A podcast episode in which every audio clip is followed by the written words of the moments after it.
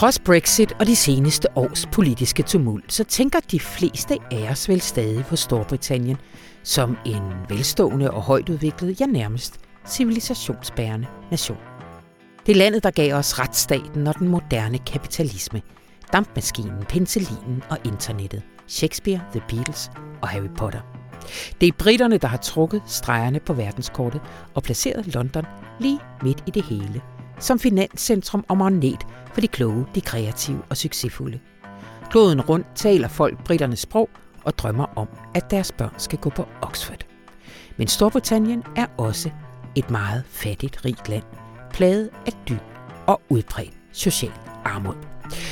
Sådan skriver Mathias Sindberg i en artikel, en reportage fra Blackpool i denne uge. Han har besøgt den lille kystby i det nordlige England, hvorfra han fortæller om den akutte krise, cost of living crisis, som den kaldes, og de skæbner, som rammes af den.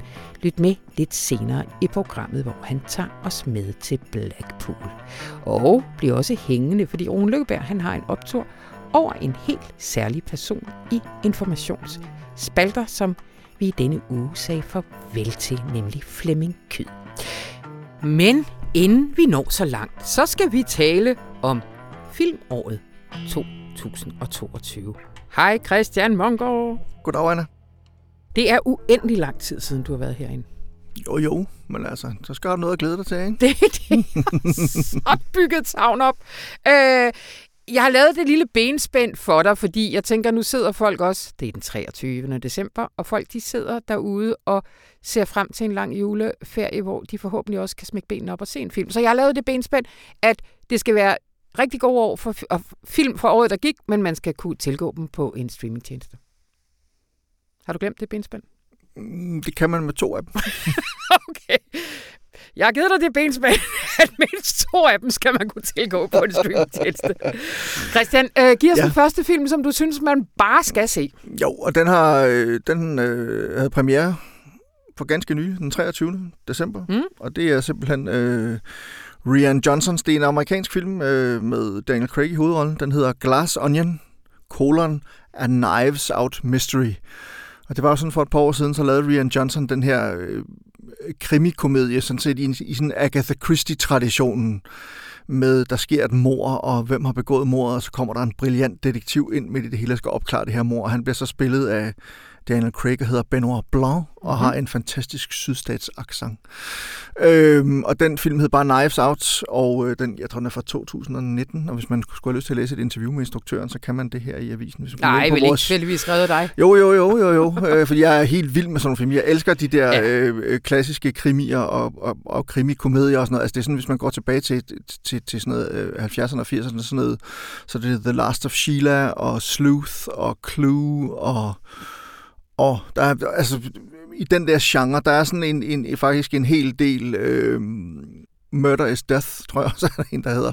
Men altså med sådan nogle krimikomedier, hvor, hvor der er en flok mennesker, øh, som enten har noget med hinanden at gøre, eller overhovedet ikke kender hinanden, eller alle sammen øh, kæmper om den samme arv, for eksempel, kunne det også være. Ja, samlet på, i et mansion, et eller på et hus, øh, og, skib. Eller yes, en, og så bliver der begået ja. mor, og så, ja. øh, så videre.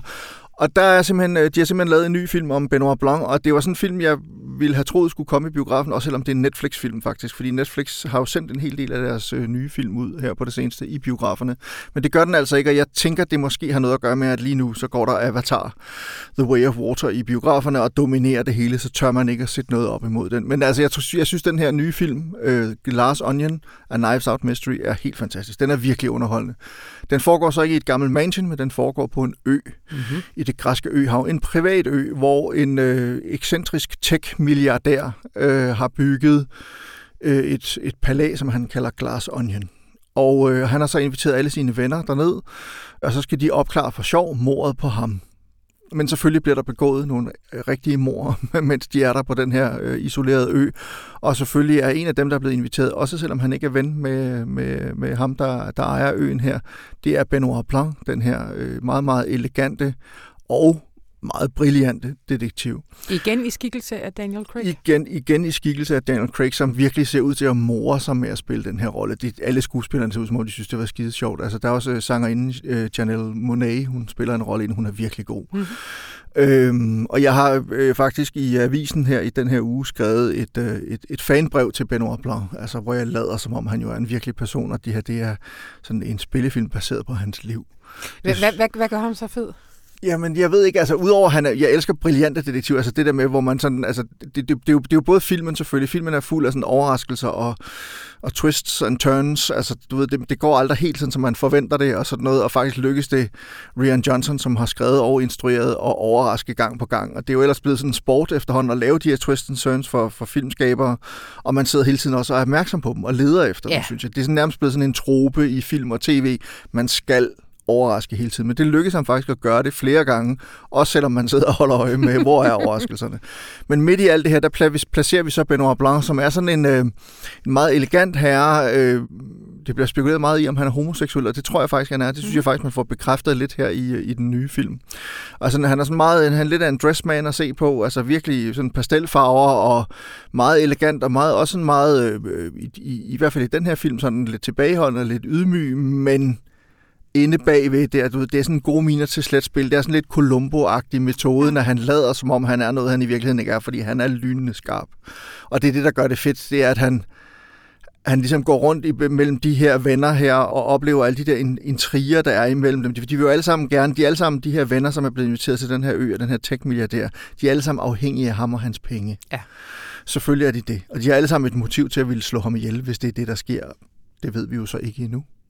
Nogle og hvad er han for en? Er vi i Elon Musk? Er vi i... Han er en tosse, ligesom, han er en tosse, han er en tosse ja, okay, ligesom Elon Musk. Ja. ja, men det er ja. han, og, og, og, i virkeligheden har han ikke så meget at have det i, som, som han selv tror, han har. Altså, og det er også ret sjovt. Der er sådan nogle... Øh, Rian Johnson leger meget med sproget i den, der er sådan, hver gang han går rundt, og han, han, han prøver sådan at, altså du ved, han skal, han skal ligesom Elon Musk, skal han prøve at være sådan en guru-agtig mm. type, der hele tiden fyrer sådan en masse filosofiske, lommefilosofiske bemærkninger af, men også bruger sproget forkert, altså simpelthen bruger ord forkert, eller siger forkert ord, ord, der slet ikke eksisterer. Og det er først noget, man sådan lægger mærke til efterhånden, også når Benoit Blanc så begynder at påpege det, og sådan noget. Ikke? Ah, sjovt. Øh, og så er der jo sådan en sjov, jeg, det, det, jeg synes ikke, jeg spoiler noget ved at fortælle, men altså, han har ligesom arrangeret det her mormysterie om ham, øh, milliardæren, som bliver spillet af Edward Norton. Han er også virkelig god i den. Og, og det er ligesom, de skal opklare hans mor. Og inden han overhovedet får sat den leg i gang, så har Benoit Blanc så på to sekunder, så får han simpelthen bare jamen det er den og den, der gør det, sådan og sådan og sådan, og det er sådan, der ser ud. Altså han, han får simpelthen afmonteret alt det, der skulle have varet en hel weekend for de andre og, og, og, og, og klodse rundt i og, og prøve at opklare det, opklarer han på to sekunder. Og han bliver selvfølgelig så skuffet ham der milliardær der. Det er sådan en ret sjov ting. Så han er bare brilliant, og han er en, en virkelig fed, sådan ekscentrisk figur, ja. øh, Benoit Blanc. Altså en, han er sådan lidt en blanding af Miss Marple, Sherlock Holmes, Columbo og Poirot.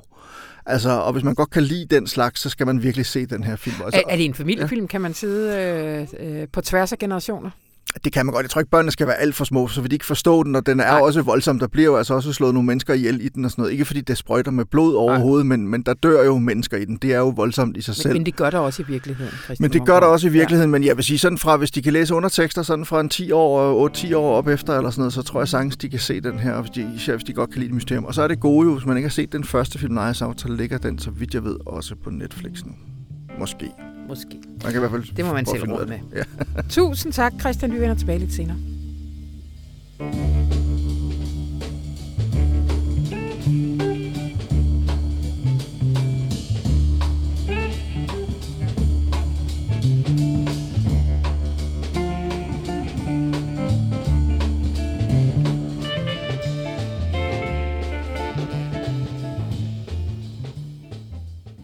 For et par år siden der kom en kommentator i Financial Times i store problemer, fordi han konstaterede, at mange i London kiggede mod det nordlige England og tænkte, og det her det er et citat, at de var lænket til et liv.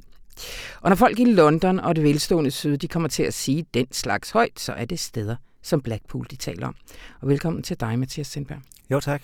Du er lige kommet hjem fra et besøg i Blackpool, hvor du sammen med vores fotograf Anders Ryge Skjold Jensen har dækket den her akutte og dybe økonomiske og sociale krise i England.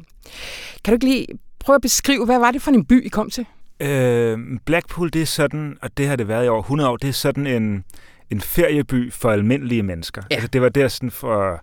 Øh, omkring år 1900, så blev der ligesom bygget en strandpromenade og nogle måler og et pariserhjul og sådan noget. Og så var det så der, hvor arbejderne inden for Manchester en gang imellem kunne slippe fri og komme ud til vandet og trække noget frisk luft og bade i havet. Mm. Og det er det sådan set stadig. Det har sådan en strandpromenade, hvor der er det der gamle pariserhjul, og der er spillehaller og fish and chips boder og øh, forlystelser og blinkende lys.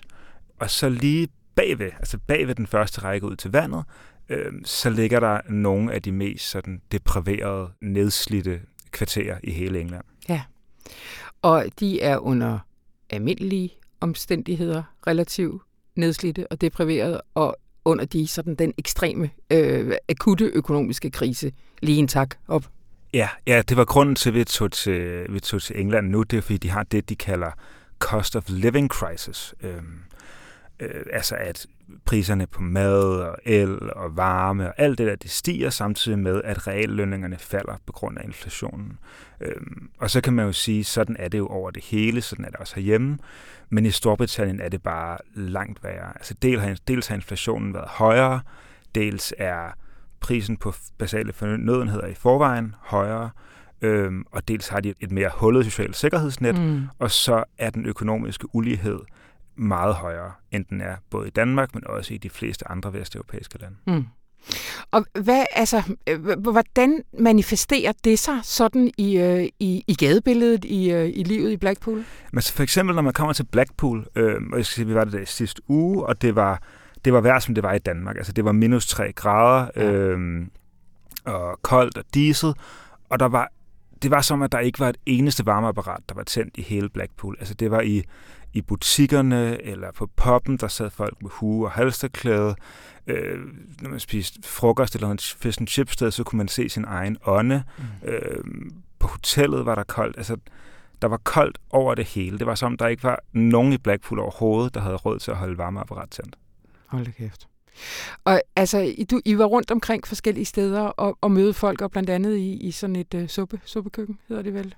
Ja, der er både sådan suppekøkkener og fødevarebanker. Ja. Og det er ja. sådan, altså i Danmark, der er det jo noget, vi forbinder med sådan de mest udsatte, altså narkomaner og folk, der bor på gaden, ja. og øh, øh, folk, der er sådan, øh, hvad skal man sige, sådan konkret depriverede. Og sådan er det ikke helt i Storbritannien. Der er de her foodbanks også blevet et øh, noget for almindelige mennesker. Altså ja. i medierne kan man læse om, at der er sygeplejersker og skolelærer, der står i de der køer.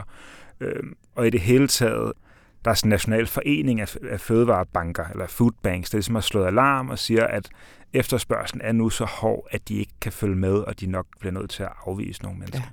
Ja. 56 procent af de lavt lønnede har besøgt en fødevarebank. Ja, så den sociale situation i Storbritannien er jo anderledes end Danmark på den måde, at det i forvejen selv før krigen i Ukraine og den her øh, prisstigning og inflationen, der var der utrolig mange mennesker, der levede sådan på kanten, altså der øh, levede fra, fra, fra, fra månedsløn til månedsløn, ja. øh, som måtte optage løbende gæld for at betale deres regninger. Øh, børnefattigdommen var 30 procent, altså man havde relativt hård fattigdom og en meget stor gruppe af mennesker, der levede på kanten. Og når der så kom sådan her et chok, øh, så er der mange, der falder, der falder ud over. Ja. Ja, fordi det, det er sult, vi taler om. Altså, der er undersøgelser, der, der viser, at, at hver fjerde børnefamilie er der ikke mad nok. Og der, altså, det skriver 10 procent af indbyggerne oplever sult. Og i nogle af de kvarterer, jeg besøgte af Blackpool, er det 60 procent øh, af familierne, hvor at man kan tale om børnefattigdom. Ja. Altså, Jamen, altså, er, er der det... andre steder i Vesteuropa, hvor det står sådan til? Øh, nej, altså Storbritannien er særligt på den måde, at ja. det er et meget fattigt rigt land. Ja. Altså det er et land, hvor øh, man kan sige både sådan statistisk, så det ved, at der er næsten 7 millioner mennesker, der må springe, der har sprunget måltider over på grund af økonomiske årsager. Øhm, og mange af sådan nogle økonomiske nøgletal, altså Storbritannien er stadig verdens femte største økonomi, de har et BNP per indbygger, der ganske vist ligger under det danske og det tyske for eksempel, men er på niveau med Japan og Frankrig. Ja. Men det, som lidt fortaber sig i de tal, det er, at mange af de tendenser, som har præget os Danmark og Vesteuropa de sidste 40 år, altså sådan stigende ulighed, øh, centralisering, øh, finansialisering af økonomien og den der slags ting. Mange af de der tendenser er ligesom øh, Øh, ja, øger uligheden og river i den sociale kontrakt, de har været særlig stærke i Storbritannien. Så mange af de der økonomiske nøgletal, øh, bag dem ligger, at London er relativt rigt. Det er ligesom det større, den store økonomiske lokomotiv, der trækker det hele. Og så er der så det, som ham der i Financial Times kom til at kalde livet, der er længe ja. til. Ikke? Altså det der, det der lig, der dalrer efter toget. Og det er steder som Blackpool. Og, og hvor er det i den, altså i den politiske debat, det der med, de, med den geografiske ulighed? Øhm, det fylder jo relativt meget. Altså et af Boris Johnsons store prestigeprojekter, det var det der hed Leveling Up, hvor han ligesom lovede, at nu vil han gøre noget ved den geografiske ulighed i Storbritannien. Så alle de der nordengelske byer og områder, der for 30, 40, 50 år siden øhm, var hele Vesteuropas fabrik og producerede ting, hentede kul op fra minen, arbejdede fabrikkerne osv. Alle de mennesker, der bor der, hvor fabrikkerne nu er lukket, de skulle have et løft, og der skulle være store investeringer der. Mm.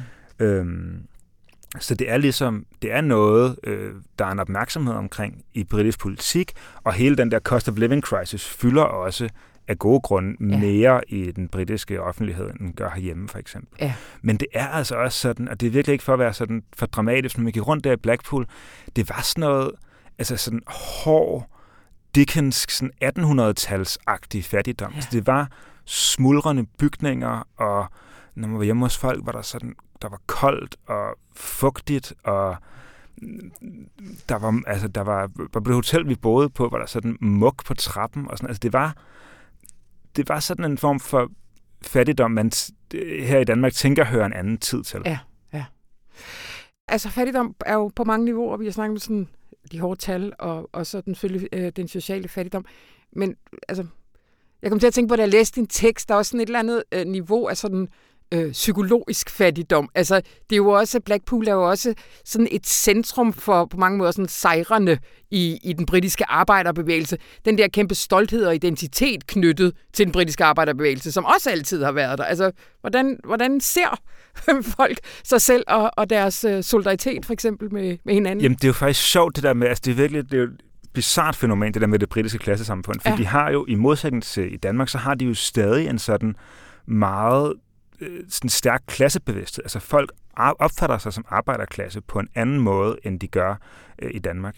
Øhm, og der er ingen, der ligesom er i tvivl om, at øh, Blackpool det er et sted for arbejderklassen. Altså ja. det er fedtet mad og blinkende lys, og øh, du ved, altså der er, øllen er ikke fra mikrobryggeri, og kaffen kommer ikke noget sted fra. Det er ligesom et sjovt sted for almindelige mennesker, og det er folk meget bevidste om.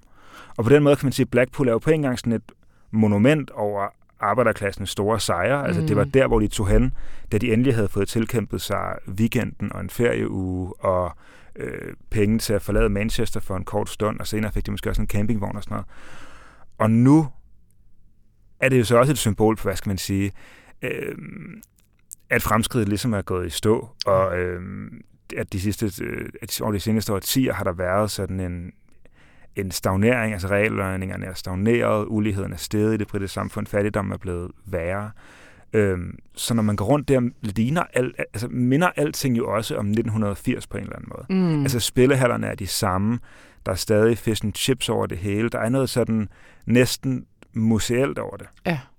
Og i år tænder de vel ikke engang det der øh, det enormt groteske julelys nede på... Øh, Jamen, det gør de faktisk. Gør det de gør det? de faktisk. Og det kunne man også fornemme, at det der på, at for folk, der bor i Blackpool, der ligesom, de gik ligesom hele sådan og bandede og svoglede over, nu bruger øh, nu bruger kommunen igen penge på at restaurere et eller andet på, på strandpromenaden, eller tænde lysene, eller bygge en ny statue.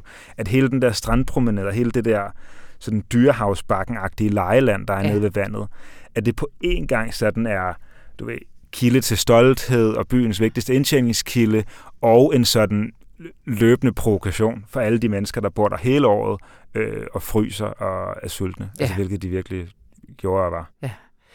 Når du taler med folk, altså du skriver, at der er ingen tiltro til byrådet, eller council, hvad hedder det? Er det byrådet? Ja, det hedder council, det er vel byrådet. Ja. Øh, og der er ingen tiltro øh, til regeringen og, og institutionerne egentlig som sådan. Du, du, du siger, at, at det er lidt som at være en Ken Loach-film. Jamen, det er meget, meget ligesom en Ken Loach. På den der måde, at i hans film, der er det jo altid sådan, at øh, systemet fungerer ikke. Og mør, altså, mørket kommer altid fra systemet. Det kommer fra jobcentret, eller fra regeringen, eller fra kapitalismen, eller fra et eller andet. Og varmen og håbet findes kun i sådan solidariteten mellem, mellem almindelige mennesker. Ja. Altså hans film er altid helt fortegnet, der er altid, du ved, eller andet. Øhm, en kvinde med tørklæde og en ung bro og en ung sort mand og en gammel hvid mand, der ligesom hjælper hinanden med et eller andet, ja. fordi at, øh, altså det bliver som hakket ud, at det er almindelige mennesker, der hjælper hinanden, ja. og det er ja. ligesom håbet og lyset osv.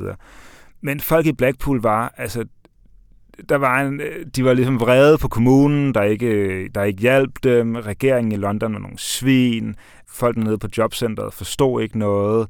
Øh, retsvæsenet chikanerede bare almindelige ja. mennesker. Altså alt, der ligesom på en eller anden måde kunne kaldes systemet, var der ingen tiltro til overhovedet. Ja. Der var heller ikke nogen sådan rigtig sådan politisk mobilisering, lad os gå ud og protestere, hvis vi stemmer på dem her, eller nu skal vi til møde i fagforeningen. Altså der var, okay.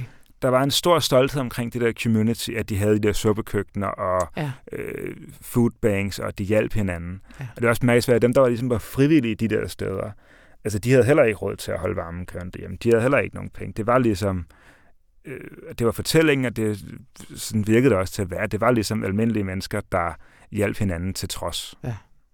Men det virker jo også som sådan på alle institutionelle niveauer, som sådan et system i kollaps. Altså nu i sidste uge, der strækkede, øh, hvad hedder det, sygeplejerskerne for første gang, nærmest mm. i øh, øh, sygeplejerskernes historie i England, og, og her i dag, hvor vi, hvor vi optager onsdag, der er det ambulanceførende, og, og, og folk anbefales ikke at gå til sport og, og, og undgå unødvendige køreture i hele England. Ja, ja. Altså, fordi at man skal simpelthen ikke komme i et uheld lige nu. Altså, det, det kører så samtidig, altså, det er jo nogle arbejdskampe, der... Øh... Helt klart, og det er helt klart, at det er ligesom, der er jo helt åbenlyst en eller anden mobilisering, øh, ja. faglig mobilisering, der skal nu. Altså, det er jo både, som du nævner, det er postmændene, det er jernbanearbejderne osv., samtidig med, at øh, hvis der var valg i morgen, vil Labour jo stå til en jordskredssejr. Altså, de, ja. vil, øh, ja. de konservative vil tabe med et brag. Så man kan sige eller håbe, at måske er øh, citronen blevet presset for meget, at man har nået et eller andet punkt, hvor at det er så åbenlyst uretfærdigt, at der findes en så udbredt og dyb fattigdom i et land, der er så rigt. Ja. Altså nu lige her til allersidst, altså Rishi Sunak, der jo overtog posten som premierminister og formand for det konservative parti her i oktober, det er jo ham, der lige nu skal finde ud af at pege landet i en eller anden retning ud af den her krise. Altså hvad, øh, hvad siger han? Hvad forventer man i, i, i 20? Hvor er vi henne? 23? Øh, han står i den, hvad skal man sige, også her i Danmark har vi den situation, at man ligesom i det omfang, man, man skal gøre noget for de fattige og give vinterhjælp og inflationshjælp, eller hvad hedder det, hjælp over vinter ja. til fattige familier, så er der noget andet, man ikke kan gøre, for man kan ikke bruge for mange penge, øh, fordi så stiger inflationen.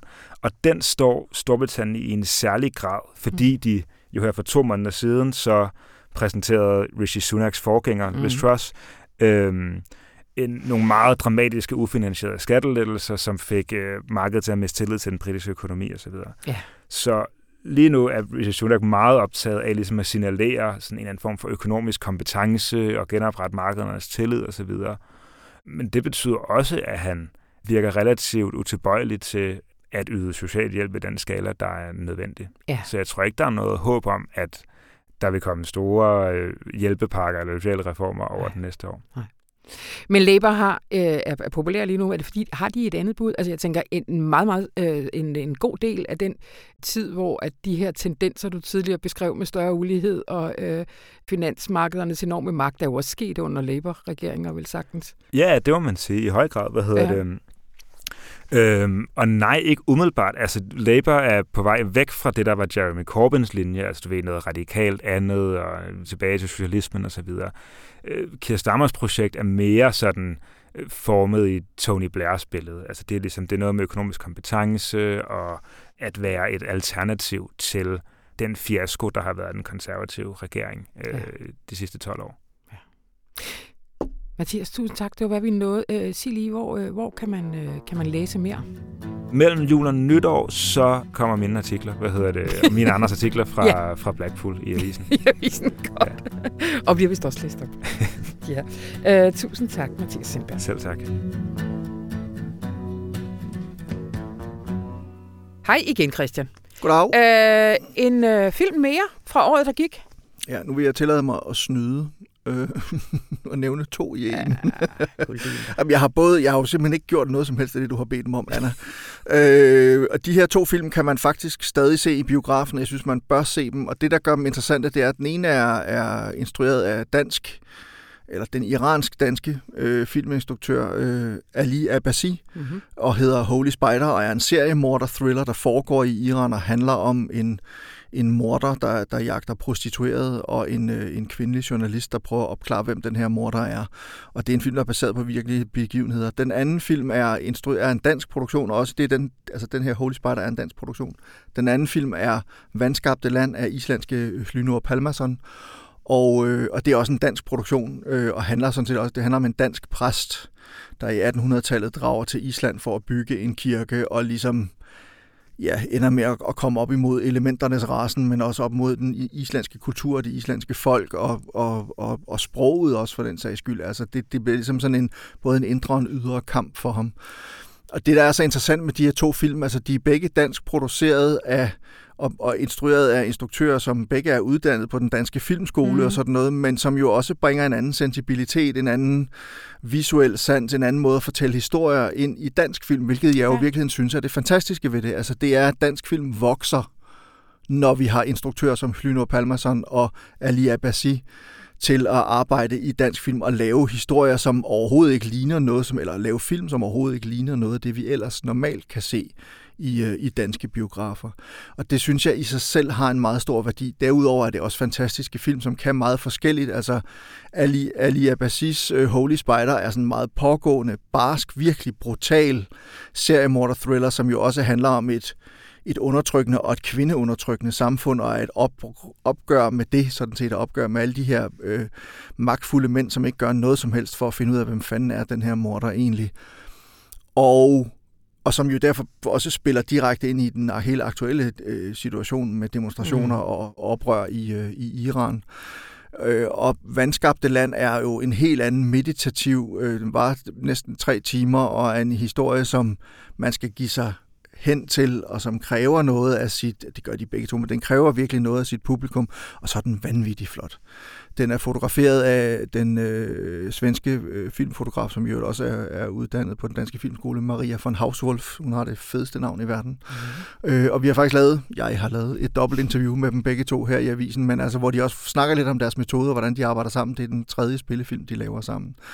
Og, og det er simpelthen så flot, og det er så... Øh, Øh, altså billederne er, den er optaget i, i sådan et gammeldags såkaldt Academy, næsten kvadratisk format, øh, så det er ikke sådan store brede billeder, det er det her kvadratiske, måske lidt klaustrofobisk format, som alligevel bliver sådan meget majestætisk, når det bevæger sig rundt i den islandske natur. Øh, det er meget fysiske film, de laver, øh, som virkelig går i kroppen på en, synes mm. jeg. Og det er noget af det, jeg godt kan lide ved og det er, at altså, man tænker måske, det er en tre timer lang islandsk film, det lyder måske, eller islandsk sproget film, dansk og islandsk sproget, så tænker man, det er måske lige overkanten, men nej, det er det ikke. Det er en, en fantastisk mm. oplevelse, men det kræver, at man vil det. Mm. Øh, og sådan er det jo ofte med den slags film, kan man sige. Ja, mens du snakker, så tænker jeg, at, at det er snart på tid, du laver den store nekrolog over den øh, ultradanske middelklasse-drama. Ja, det er jo lige før, ikke? Ja. Altså, man kan sige, der har jo godt nok lige været premiere på Elsker dig øh, for tiden, det her, den her danske romantiske komedie, men den prøver alligevel også noget andet end... Ja. Altså, den har sådan en mere realistisk tilgang måske end nogle af de her, det her middelklasse- eller velfærdsdramaerne, ja. som, som ja. vi kaldte dem, de her... Ja den danske køkkenvaskrealisme, som ja. ikke var så meget køkkenvask alligevel, måske mere opvaskemaskine, ikke? Men, ja. men, øh, men jo, det kunne godt være, det er det, man snart skal gøre, fordi i hvert fald så sker der noget, og der har været virkelig mange, øh, altså hvis vi bare lige hurtigt runder filmåret i år, så har der været mange debutanter og mange spændende ja. film og instruktører, der ligesom er kommet, og sådan noget. det vil man også snart kunne læse mere om i avisen. øh, går de her to film, altså kan, kan de stadig ses i biografen? Det kan de begge to. Altså, øh, Holy Spider er jo lige kommet på den der, det der hedder en, en shortliste til en Oscar-nominering. Det, det er jo Danmarks Oscar-film ja. til næste år. Og vi ved jo ikke, om den bliver nomineret til en Oscar endnu i bedste udenlandske filmkategorien, men den er i hvert fald på shortlisten nu blandt de 15 film, som lige nu står til måske at få nomineringen. Altså alle bets øh, siger, at at den formentlig bliver nomineret ja. til en Oscar. Så jo, den kan stadig ses i, i nogle biografer rundt omkring, og Vandskabte Land kan også. Men øh, og jeg tror desværre ikke, de er ude på, på streaming endnu. Nej. Eller kan købes eller lejes digitalt. Nej, hvis man kan gå i biografen, det skal man jo også i julen. Nemlig. Øh, Christian vender lige tilbage til dig.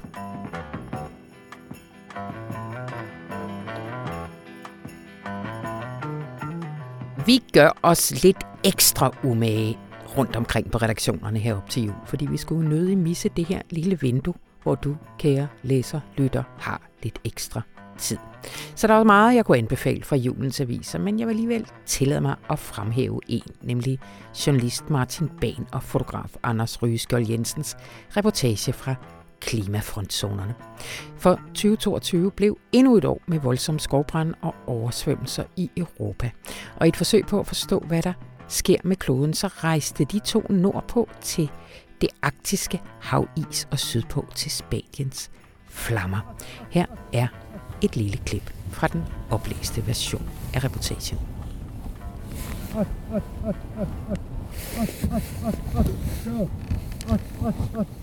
Straks da vores pickup bumler ind på den brede isfod, farer de grønlandske slædehunde op, så deres hylen og tuden skærer ud over Kranaks kulørte træhuse og den solbrændte fjeldside, der skråner ned mod havisens uendelighed i vest.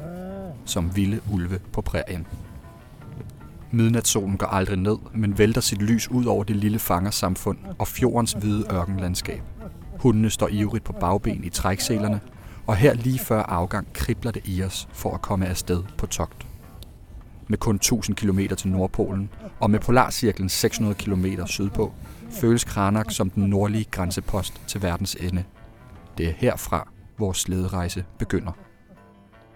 Over de næste 3-4 dage skal vi sammen med et hold af klimaforskere og lokale inuitter udforske og måle havisen og havstrømmene under den. Med os har vi et dusin tunge trækasser, proppet med boregrej, kabeltrumler, reagensglas og frysetørret mad, som vi læser fra trokkens lad og over på hundeslæderne. Og det var, det var virkelig ikke noget, jeg skulle tænke to gange over. Det var nok ja. derfor, jeg nogensinde læste geofysik. Og, øh, og det var ikke arktisk i starten. Øh, men, øh, Vores ekspeditionsleder, Steffen M. Molsen, en slank fyr med kortklippet hår, oceanograf og klimaforsker hos DMI, træsker fokuseret rundt i sneen, så den knirker under hans kamikstøvler og tæller efter. Jeg håber saftsus med, vi har fået det hele med, siger han. Hvis vi har glemt noget, kan vi jo ikke bare lige sådan hente det igen. Ved siden af kommanderer de fire lokale med deres hunde. På slæderne ligger lune rensdyrskin og rifler, hvis en isbjørn eller sæl skulle være dristig nok til at komme på skudhold. Udover at være slædefører, er fangerne også vores livliner. De lever af jagt og fiskeri i den rå natur, og ingen kender havisen og den skrøbeligheder bedre end dem.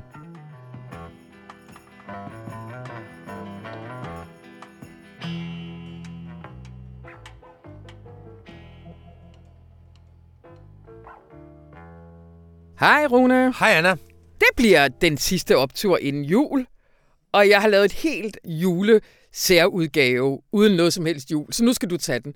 Hvad, hvad er dit forhold til julen, Rune?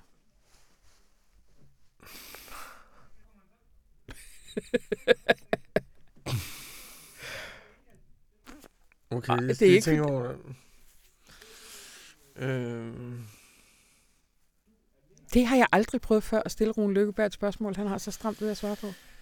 Øh, nej, men lidt op og ned, tror jeg. Jeg, okay. kan, altså, jeg kan enormt godt lide det med, at der er lys og fest i gaderne. Jeg kan godt lide julemarkeder. Jeg kan godt lide voldsom trængsel og alarm. Jeg kan godt lide, at man synger ting sammen i fællesskab, mm. og at vores samfund er jo sådan et ritualløst og symbolløst ja. samfund, hvor der så pludselig så er der muligheden for, at man laver nogle ritualer og nogle symboler, og så vælter det bare frem med, det, med det, noget, der er ekstremt smagløst og kulørt og, og grimt og sådan noget. Og det kan jeg faktisk meget godt lide. At det ligesom er, er smagløshedens store kollektiv ritual. Omvendt så tænker jeg også i stigende grad, altså, så har der været COP15 i Montreal, som handler om, at 30 procent af vores land og 30 procent af vores vand, det er ligesom målet, at det skal være beskyttet og uberørt. Og så ser man bare alt det fuldstændigt ulidelige ravelse, yeah. der bliver produceret, købt og givetvis smidt væk, smidt væk igen. Altså, der er noget fuldstændigt hjælpeløst over, at når vi så endelig skal lave noget fælles, så skal de i hvert fald være med alkohol. Det skal i hvert fald involvere en helt vildt masse transaktioner, hvor folk slæber pis og lort frem og tilbage, der på en eller anden måde føres direkte mod undergangen. så, du, og en hel masse døde dyr. Ja, ja og, og altså så, så meget dobbelt. Jeg elsker Hendels Messias. Jeg kan virkelig, mm. du ved, Hendel lavede Messias i 1700-tallet, da folk var begyndt at blive bange for deisterne i Irland, da de var begyndt at blive bange for ikke-troen. Og jeg er ikke troende, men hvert år, når jeg hører Hendels Messias, mm. så kan jeg godt mærke suset af, hvad det er, folk ser, når de ser Jesus. Det kan jeg godt lide. Og Jesus var jo en socialistisk rebel, det ved du godt, Anna, ikke? Er du råden? Jeg fik læst nogle bøger. Jesus som revolutionær, da jeg var barn. Ja, så... der gik mange år, før jeg opdagede, at folk så anderledes på ham. Nå, øh, Rune, vi skal have en optur. Ja, og vi tager det, der hedder en memorial-optur. Ja. Fordi den her uge, der blev Flemming Kyd begravet. Mm-hmm. Flemming Kyd, som øh, læser af dette dagblad gennem årtier vil vide, har opfundet Folkspalten, ja. der står på bagsiden og lavet en helt fantastisk vinklumme i mange år, der hed Til Næsen. Og det sjove er, at for øh, en måneds tid siden kom jeg til at tænke på Flemming Kyd, fordi jeg interviewede Rebecca Solnit, den amerikanske meget, meget, meget, meget progressiv aktivist.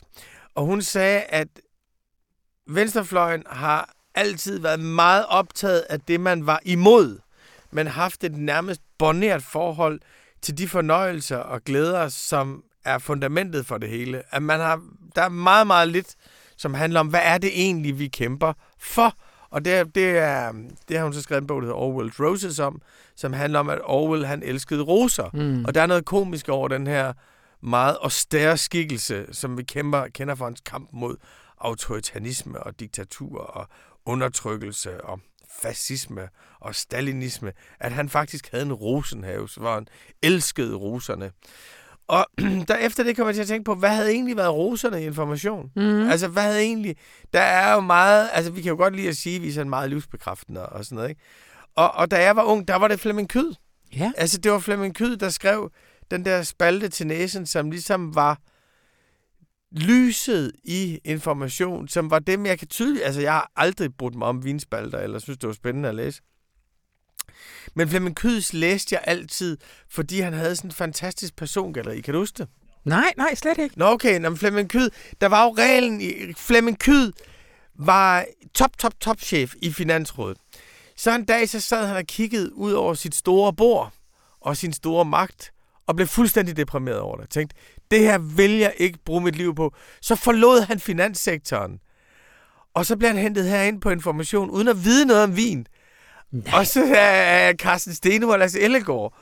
Og så sagde de til ham, de havde set noget, der hed People i Washington Post eller Wall Street Journal, som han skulle lave. Og så ville de gerne have ham til at skrive om vin, og han vidste ikke særlig meget om vin. Men, men Fleming havde ligesom forladt alt det, der han vidste noget om. Og så begyndte han at skrive om vin, og så opfandt han sit eget persongalleri på Amager. Han boede i Sundby, og man følger ligesom, hvordan han først bor i det, han kaldte for et skilsmisseghetto i en 60 kvadratmeters lejlighed, og så siden flytter til en bungalow med kælder. øh, så man følger ligesom fremskridtet. Men det sjove er, at der er et persongalleri omkring ham. Hans kone er den snakkesalige. Hun er ligesom hovedpersonen, som man altid omtaler drilsk, men også med ubetinget og indiskutabel ømhed. Det var min far og mor enige om. Altså, at for hans forhold til den snakkesalige var ren kærlighed. Men så er der alle vennerne. For eksempel det lange hyl, smeden, den syngende glaspuster, den professionelle venstreekstremist, organisatoren, hvis søn blev kaldt for den lille terrorist, fordi han spillede på trommer. Så Flemming, han skabte i den der vinspalte til næsen sådan ufatteligt persongalleri, som ligesom var en intellektuel udgave af huset på Christianshavn, der gjorde, at jeg som ung mand, da jeg sådan, træk vejret dybt og tænkte, nu skal jeg forholde mig til verdens elendighed og stor, stor, stor litteratur og information. Jeg brugte altid til næsen som, som, som vejen ind. Jeg elskede simpelthen Nå. de der, det der øh, fantastiske øh, persongalleri, som var stolthed over Sundby som var, at vi holder med fremad Amager, vi mødes på Café Femøren, og ned på Café Femøren, der er det smeden, der har lavet barn af paneler, som han har hentet er på det, det hedengangne land og folk. Og der var ligesom den her, øh, der var den her idyll, hvor man altid følger øh, vinredaktøren, som man kalder sig selv, og den snakkesalige, der måler sommerens bonitet, som Flemming skrev, på antallet af brugte kulgrillsække, når sæsonen var, var over. Der var sådan en Sundby idyll, men det var også, for, altså, der var også noget melankolsk over det. Mm. Det var en mhm. tilkæmpet idyll. Kyet havde ikke bare et let sind, det var også tilkæmpet idyll, og altid i modsætning til København. Altid i modsætning til dem, der gik rundt i bosshabitterne derinde. Der er sådan et sted, hvor han siger, at så lad da dem få deres øh, stangstive teenager i mærketøj, hvis det er det liv, de gerne vil have. hvis, det er det liv, hvis det er det liv, hvis det er det liv, de, øh, de, de gerne vil have. Og det er så vildt. Jeg anede det ikke, fordi jeg bor jo klat midt i Sundby, og øh, lever jo et øh, lidt lignende liv, så jeg kan, det kan da være, at jeg skal bruge julen på at dykke ned i... Øh. Jamen, det, prøv at høre, Flemming, en af Flemmings vinbøger hedder Appellation Sundby Kontrollé. altså, det er en hyldest til et lokalsamfund, og det er et hyldest til venskab. Men, men altså, hvor kan man læse dem, hvis man nu sidder derude og tænker... Jamen, gå ind på information.dk og søg altså, har vi dem. Man kan simpelthen... De, de er i den almindelige søgefunktion. Man skal ikke ind og... Nej, nej, nej. nej, nej, nej, nej. Det gør jeg nogle gange, hvis jeg... Det, det, jeg har tit været inde og... Men så, så da, jeg, da jeg talte med Rebecca Solnit, der kom jeg til at tænke på det, Flemming Kyd havde været. Ja. Altså, det der virkelig eksisterende kammeratskab, hvor alle karaktererne får navn efter en fremtrædende egenskab hos dem selv. Og så gik der 14 dage. Ja, det var ikke sådan, jeg tænkte på om dag og nat. Men jeg tænkte bare på den fornøjelse, de havde været. At de havde ligesom været roserne i informationsunivers. Og så 14 dage efter, så fik jeg at vide, at han var død. Nå. Og i den her uge, der øh, blev han så begravet i Philipskirken på, på Amager. Og vi øh, sad en, nogle stykker i, i kirken, og øh, han ville ikke have, at der blev sunget. Øh, så der var Dylan Thomas stemme, som læste Do Not Go Gently Into That Night mm. op, og øh, Hallelujah af Leonard Cohen yeah. blev spillet, og så bagefter, så var vi på Café Femøren, hvor jeg blev introduceret for legender som Det Lange Hyl, Den Snaksalige og Smeden. Så det var et, øh, det var et smukt minde om en i informationshistorie helt enestående skribent. Altså en skribent, der havde en lethed og lys og en glæde ved livet, en forståelse for de daglige fornøjelser, og også modstandspotentialet i dem, og et meget, meget sundt klasse havde, som var, det var privilegium at have på avisen. Kæmpe optur over Optur, at Flemming Kyd har været der. Ja.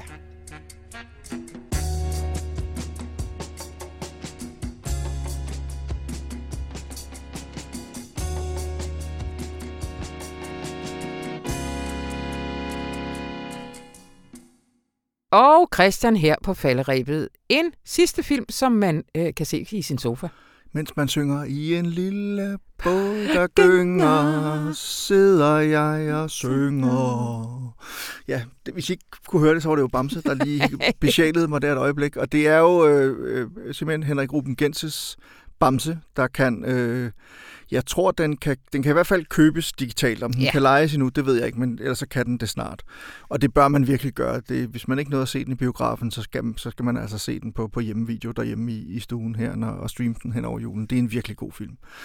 Øh, jeg har først selv set den ret sent i forhold til, hvornår den havde premiere. Jeg har det lidt svært ofte med, med danske biografiske film, fordi det der med at, at skulle en, en dansk skuespiller, der skal forsøge at inkarnere en meget, meget kendt dansk skikkelse, jeg synes mm. faktisk, det er lidt svært. Altså, man kan snakke om Spis og Glistrup, eller man kan snakke om Dirk-filmene og sådan noget. Altså, ja. jeg, jeg synes, nogle gange virker det, andre gange virker det ikke. Og jeg har været lidt nervøs for det her med Bamse. Jeg må sige, Bamse har fyldt meget i mit liv, fordi det var en, man lyttede til, altså med Vimmersvej og en lille båd, der gynger, og, og alle de der meget festlige øh, sange, som Bamses venner optrådte med op igennem 70'erne og 80'erne, altså også de her såkaldte undersættelser af for eksempel Vimmersvej, som jo er Wimmerway og en, og en sådan afrikansk øh, hymne nærmest, ja. ikke? Om, om løven, der sover i junglen og sådan noget. Den er så blevet til en, noget med en bar dame, der går rundt et eller andet sted, ikke? Ja. op på Vimmersvej. Altså, det var noget, den der humor der var han jo enormt god til og sådan noget. Og så sang han jo fantastisk. Men, men, øh, men altså, filmen er også sådan, den er et portræt af ham fra Jamen, altså, hvor han er på højde, altså på, på toppen sammen med, med Bamses venner, og så øh, faktisk frem, stort set frem til hans død i, øh, jeg tror det var 2010-2011. Ja. Øhm, og hvordan han ligesom også følte sig fanget af den her Bamse Øh, altså han hed jo Flemming Bamse Jørgensen, han hed Flemming Jørgensen, og han følte sig måske lidt fanget i den her Bamse-persona, ja. øh, som jo var god nok, når man skulle optræde på markederne, eller på gymnasierne, eller ude i, i, i forsamlingshusene rundt omkring i landet, og hvilket man jo gjorde og havde meget stor succes med øh, Bamses venner. Men, men øh, altså ja, han ville jo også gerne noget andet, og det handler filmen også om. Altså han ville gerne, og han nåede jo at lave, øh, 10 år før han døde i år 2000, nåede han at lave sådan en plade med genindspillinger af nogle af de store sange, han godt selv kunne lide, altså Stand By Me og Whiter Shade of Pale og Night in White Satin og sådan noget, som han virkelig holdt af de her numre, og han havde jo stemmen til at fortolke dem og give dem sjæl og og give dem øh, nerve og energi og sådan noget. Ja. Ikke? Og det, ja. det er noget, han har lavet, og det er, der, altså, det er også noget af det, filmen handler om. Det er den der kunstneriske genrejsning, han nærmest fik, da han udgav den plade ret sent i sin karriere. Ikke?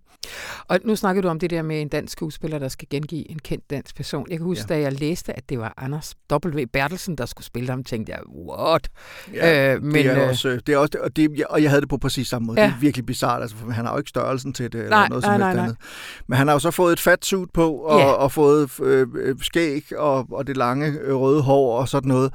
Og han gør det faktisk formidabelt. Altså, ja. det, er, det er Bamse det er en inkarnation af Bamse i en eller anden forstand. Det er Bamse, der ligesom bliver vagt til live i, uh, i Henrik Gruben Genses film og, og Anders W. Bertelsens skikkelse. Altså, han gør det fantastisk, og han synger jo også selv i den. Ja. Og han kan godt synge, Anders Bertelsen. Han har ikke helt altså, den samme sådan sjælfulde sådan virkelig soul stemme, som, som Bamse havde, men han gør det virkelig godt, og han kan godt synge, og, han, øh, og derfor får det jo også den der ekstra troværdighed. Og så bevæger han sig jo også med den tyngde, som Bamse havde. Altså Bamse var jo en, en tung mand, og det der ofte sker, når folk iklæder sig fatsuits, det er, at de ikke nødvendigvis bevæger sig lige så som, ja. som eller, eller skal blive sminket gamle, eller sådan et eller andet. De bevæger sig ikke som gamle mennesker, eller som en, der vejer så meget, som de nu gør. Altså, der er, jeg vejer selv temmelig meget. Jeg ved, der er forskel på, hvordan jeg går, og hvordan andre mennesker, der vejer ja. det halve af, hvad jeg gør, ja. de går og sådan noget. Så, men alt det der, det er altså Henrik, hatten af for Henrik Ruben Gens og Anders Bertelsen i forhold til det her, det, det er altså formidabelt.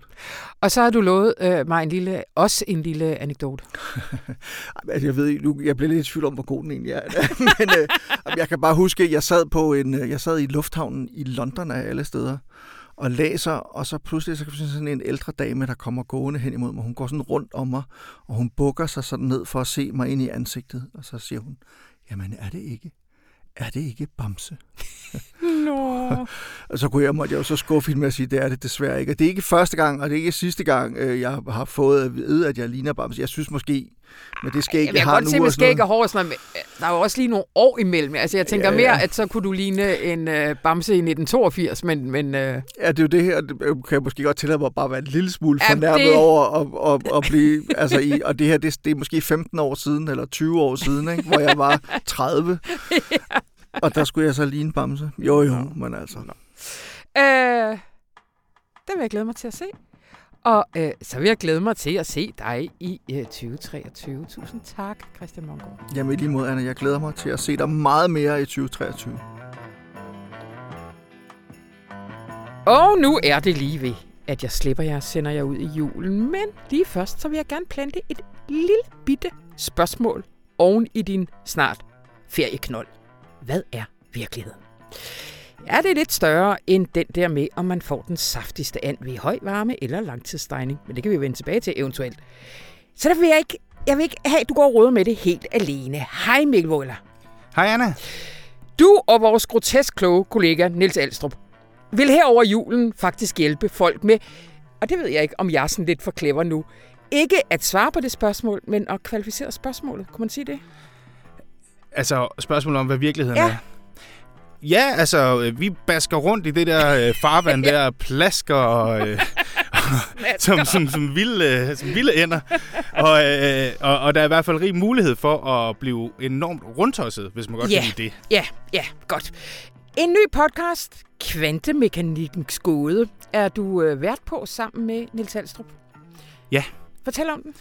Jamen, det er en øh, podcast om verdens største spørgsmål, som skal findes dernede, hvor verden bliver meget, meget, meget lille, mm. altså nede i atomerne, partiklernes verden. Og spørgsmålet det lyder, ja, hvad er virkeligheden? Og, og det kan jo lyde lige til, når vi nu alle sammen går rundt og føler os nogenlunde virkelig det meste af tiden. Men på sit allermest fundamentale niveau, så bliver verden, altså partiklerne og de her små dimser, så bliver alting så utrolig skørt og uforklarligt og uerkendeligt mm-hmm. for mennesket, at fysikere i over 100 år har gået rundt og prøvet at forstå, hvad virkeligheden er, uden at kunne komme med et klart svar på det. Ja. Fordi vi aner det simpelthen ikke. Men førende fysikere har fremsat en række forskellige og temmelig langt ude mulige forklaringer, mm-hmm. som skal få det til at hænge sammen. Og, og det handler vores programrække så om. Vi får besøg af en masse kloge hoveder, som hjælper med at udlægge kvantemekanikkens historie, og de forskellige store slag i det, vi kalder kampen om virkeligheden. Det handler om Niels Bohr og Albert Einstein, det handler om atombomber, det handler om den menneskelige eksistens, altings eksistens, og også lidt om sorte huller. Mm-hmm. Og hvis du så sidder og tænker, jamen hvad rager det mig? Så vil jeg sige, det rager dig rigtig meget. Fordi uanset om du er en asteroide, eller om du er en juleand, eller om du er et menneske på den blå planet, så er du lavet af atomer. Og derfor så kan man faktisk godt sige, at vores podcast handler om dig. det var et godt pitch. jeg har sagt, skal lige høre lytter, jeg har sagt til Mikkel, vi har altså ikke så meget tid, der er meget, vi skal igennem. Nu skal du lave knivskarpt pitch. Ja, det kom det, jeg. Ja, det kom du altså med. Øh, Mikkel, man kan gå ind, den har sin helt egen kanal. Ja, det hedder Kvantemekanikkens Gåde. Og det skal man bare søge på på sin podcast-app, så burde den dukke op. Godt. Og som I måske alligevel bemærkede med det der pitch, så undgik Mikkel elegant øh, at fortælle altså helt præcis, hvad kvantemekanikken ja, ja, det lader jeg andre om. det er du nemlig andre om. Blandt andet vores kollega Niels Alstrup. Og øh, kan du lige kort præsentere Nils, før vi lige giver ham ordet? Jo, Nils er min øh, medvært på programmet her. Han arbejder på information med at få styr på alle vores datastrømme, og så har han en mørk fortid som øh, forsker i øh, kvantetilstanden. Ja. Øh, han har en Ph.D. PhD. i kvantefysik ja. fra, fra mange år siden, og så har han en stor passion for netop det her spørgsmål her, kvantemekanikkens fortolkninger, altså forklaringer på, hvad virkeligheden er. Ja. Ja. Og lige om lidt, så kan I lige høre simpelthen Nils fortælle på lidt over to minutter, øh, hvad kvantemekanikken er. Fuldstændig simpelt. Og så vil jeg bare opfordre jer til at gå over og rålytte til øh, kvantemekanikkens gåde, der ligger i sin egen kanal. Og det var simpelthen alt, hvad jeg havde for denne gang. Og så ønsker jeg jer en helt fortryllende jul. Goddag, Niels. Goddag, Mikkel. Nu er vi i gang med vores programserie, som vi har valgt at kalde for Kvantemekanikkens gåde, Niels Bohr og kampen om virkeligheden og jeg er sindssygt glad for, at du er min medvært på det her. Men det er jo ikke kun os i studiet. Vi inviterer også forskellige gæster ind for at hjælpe os med at få svar på nogle af de her store spørgsmål, som altså hvad er verden lavet af, og hvordan hænger tingene sammen på det mest fundamentale niveau. Øh, men, men lad os lige prøve at skære nogle ting ud i, i, i pap først, inden vi går ind i kvantemekanikkens gåde. For hvad er kvantemekanik overhovedet for en størrelse? Ja, altså kvantemekanik, hvis man skal sige det sådan meget kort, det, det er den gren af fysikken, der beskriver, hvordan universets allermindste bestanddel opfører sig. Altså de spilleregler, der gælder for atomer, elektroner, fotoner og de andre bygsten i, i det, som man kunne kalde for stoffet i universet. Og det hedder kvantemekanik, fordi et af grundprincipperne er, at de størrelser, som vi normalt tænker, kan sådan have alle mulige værdier, f.eks. energi, kun kan have meget bestemte værdier nede i den her mikroverden. Altså det kommer kun i pakker eller kvanter, som man kalder det. Og så hedder det mekanik, fordi kvantemekanikken i mikroverden afløser den, det, man kalder den klassiske mekanik, altså Newtons love, det vil sige de spilleregler, der beskriver, hvordan en sten opfører sig, når man kaster den, eller hvordan en planet øh, kredser omkring en stjerne. Og kvantemekanikken den blev udviklet i begyndelsen af det 20. århundrede, og som et praktisk værktøj til at beskrive, hvordan materialer opfører sig, så har det været en kæmpe succes. Altså uden kvantemekanikken, så havde vi hverken haft øh, smartphones, eller solpaneler, eller MR-scanner, eller atomkraft for den sags skyld. Men når det er sagt, og grunden til, at vi så sidder her i dag, så er det fordi kvantemekanikkens spilleregler er så mærkelige, at det faktisk er svært at tro, at de beskriver virkeligheden. Og her 100 år efter, at de blev formuleret, så er man stadig ikke helt enige om, hvordan det rent faktisk skal forstås.